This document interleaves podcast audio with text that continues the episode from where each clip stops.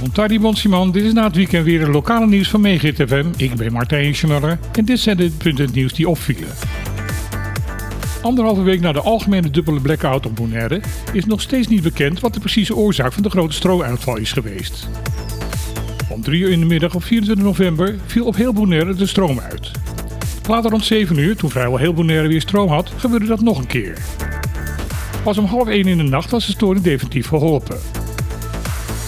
Sindsdien zijn water- en energiebedrijf Bonaire en Kauto Global Bonaire samen aan het zoeken wat de oorzaak is geweest. Dat blijkt niet makkelijk te achterhalen te zijn. Daarom is nu een commissie samengesteld van 11 personen die op zoek gaat naar het probleem achter de storing. Men hoopt in 2 à 3 weken het antwoord hierop te kunnen geven. De gemeenschap van Bonaire zal op de hoogte gehouden worden van de voortgang van het onderzoek. Luchthaven Flamingo Airport gaat vanaf nu actief optreden tegen foutparkeerders op het terrein van het vliegveld. Verkeerd geparkeerde auto's blijken een toenemend probleem te zijn voor de luchthaven. Zo worden er vaak langdurige auto's geparkeerd op de zogenaamde kiss-and-ride strook.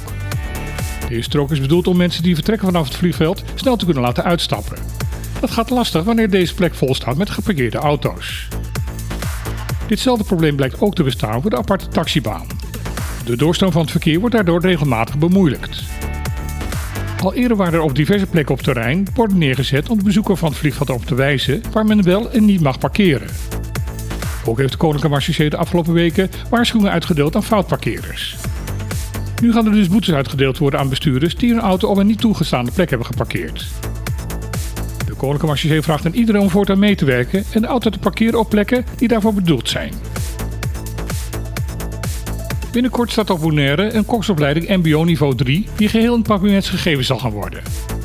Dit is mogelijk omdat kort geleden de Eerste Kamer in Den Haag daarvoor een wetswijziging heeft goedgekeurd. Eerder had ook de Tweede Kamer al met het voorstel ingestemd. Momenteel zijn op Bonaire veel mensen in het koksvak werkzaam, met veel praktijkervaring, maar met een laag opleidingsniveau.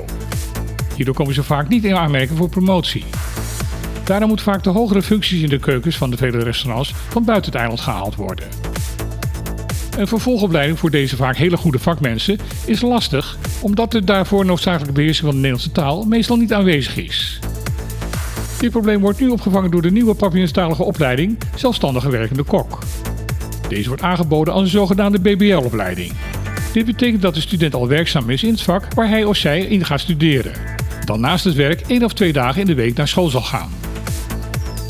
Om de nieuwe opleiding te promoten voeren vertegenwoordigers van het MBO, ROA en de nieuwe diensthoofd OCW afdeling Caribisch Nederland, Nielen de Heijer, met een boot langs de verschillende restaurants om daar informatie te geven.